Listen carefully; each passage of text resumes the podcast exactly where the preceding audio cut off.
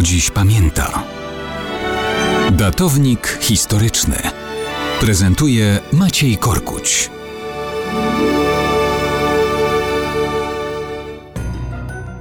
Mało kto dziś pamięta, że w sobotę minęła rocznica 23 marca 973 roku.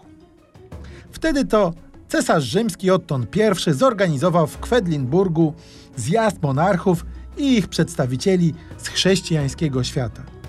Oprócz gospodarza, czyli niemieckiego Ottona, na zamku stawili się tacy władcy jak król Danii Harald Sinozęby, który zaledwie 8 lat wcześniej wybrał chrześcijańskiego boga, porzucając skandynawskiego Odyna. Za żadne skarby świata nie wpadłby na to, że od jego sinozębego przydomka weźmie się tysiąc lat później nazwa technologii Bluetooth.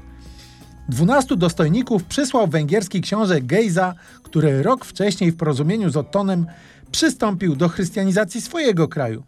Dość brutalnie zresztą obchodząc się z poddanymi, którzy stawiali opór.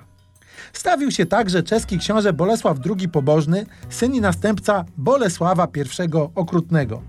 Bolesław II to władca, który zintegrował Czechy i utworzył w Pradze biskupstwo.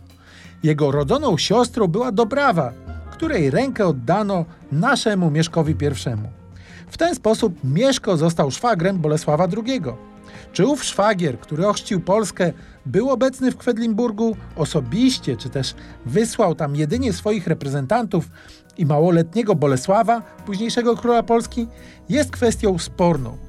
Posłów na pewno przysłali papież Benedykt VI, cesarz bizantyjski Jan I oraz książę Benewentu Pandulf Żelazna Głowa. Fakt faktem, zjazd w Kwedlinburgu dzisiaj bez większego wahania nazwalibyśmy europejskim szczytem.